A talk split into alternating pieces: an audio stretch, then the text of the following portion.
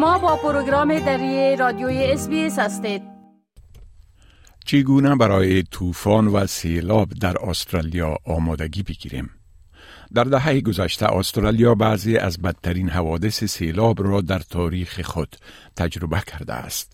بین سالهای 2020 تا 2022 مناطق وسیع سه تا چهار بار زیر آب شدند. در حالی که بارندگی های شدید بارها باعث شده که شبکه های دریایی لبریز شوند بعضی از جوامعی که در معرض سیلاب قرار دارند آسیب های فاجعه بار را به زیربناها خانه ها و حتی تلفات جانی را تجربه کردند. بنان چگونه می دانید که یک حادثه اقلیمی رخ می دهد یا نه و برای آمادگی گرفتن چی کار باید بکنید؟ از چی کسی می توانید کمک بخواهید؟ و آیا باید بمانید یا از منطقه بیرون شوید؟ وقتی که طوفان و سیل رخ می دهد اکثر جوامع در استرالیا برای کمک گرفتن بر خدمات استراری ایالت یا قلمرو محلی خود اتکا می کنند. این اداره ها که به صورت عموم به نام SCS شناخته می شوند به جوامع کمک می کنند که برای یک وضعیت استراری آماده شوند تا میزان خطر به آنها را تقلیل دهد. آنها در کارهای تخلیه و پاکسازی و ترمیم پس از توقف باران و کاهش آب کمک می کنند. هر اداره SES بر طلبان بسیار آموزش دیده خود مثل کریستینا سواتو که سالها در نیو ساوت ویلز خدمت کرده متکی می باشد. So we're the combat agency for flood, storms and tsunamis. A lot of our members around the state help flooded communities. We look after uh, any storm damage to property, trees that have come down, roof damage, anything of that nature that's related to either flash flooding or storms. داوطلبان SCS اکثرا قبل از وقوع یک طوفان یا سیل شدید درهای خانه های ساکنین را می‌زنند. آنها به ساکنین معلومات را در مورد روش ها و گزینه های تخلیه فراهم می کنند. آنها ممکن با برداشتن اشیای خطرناک یا تهیه کیسه های ریگ برای ساختن دیوارهای ممانعتی موقت به خاطر بیرون نگه داشتن آب در حفاظت از املاک یا زیربناها کمک کنند. دارتی ترین یک معمور قابلیت اجتماعی در اداره SES نیو ساوت ویلز است. او می‌گوید اولین قدم آمادگی است. بنادم باید میزان خطر خود را درک کنند. بنابراین آنها می توانند یک استراتژی استراری با جزیات در مورد آنچی در هنگام وقوع فاجعه انجام خواهند داد تهیه کنند. Before people actually look at drafting a plan, they need to know why they're drafting their plan. What is their actual risk? Do they know if where they live, work, or visit are areas that could be impacted by storms or floods? Storms can strike anywhere, so always being storm prepared is a very good thing. In terms of floods, if you live near a waterway, a creek, a storm pipe, they need to be mindful in terms of where that water might flow and what it might impact them in terms of either their house or their transit um, and transport day to day from work and home. مردمی که در نزدیک آبرو و دریاها زندگی می کنند باید همیشه از وضعیت اقلیمی در مورد وقوع سیل مطلع باشند. جوامع می توانند تازه ترین پیشگویی ها را از طریق دفتر هواشناسی یا اپ های SES وبسایت ها یا از طریق رسانه های اجتماعی نظارت کنند. آنها باید قبل از بالا آمدن آب آماده باشند تا برنامه های استراری خود را مورد اجرا قرار دهند. اگر آنها اطفال حیوانات خانگی یا مواشی دارند باید بدانند که آنها را به خاطر امن ماندن به کجا و چی گونه ببرند.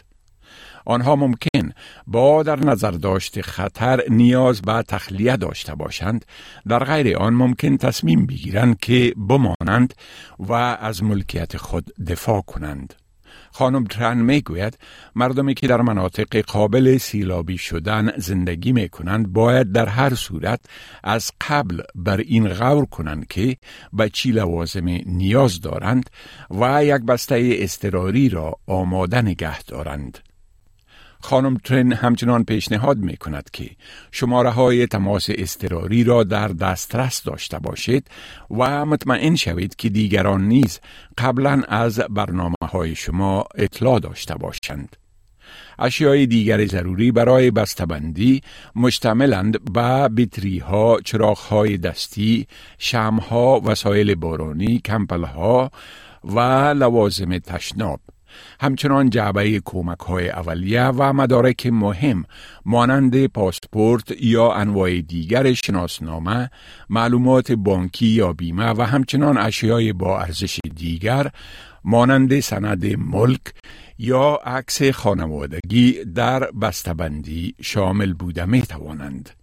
گرچه توصیه اصلی SES این است که مردم تخلیه شوند ولی بعضی از قربانیان سیل با تجربه تصمیم می گیرند در همانجا بمانند.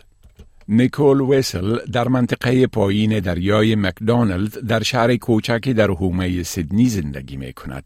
خانه دو طبقه‌ای او در دو سال چهار بار زیر آب شده است.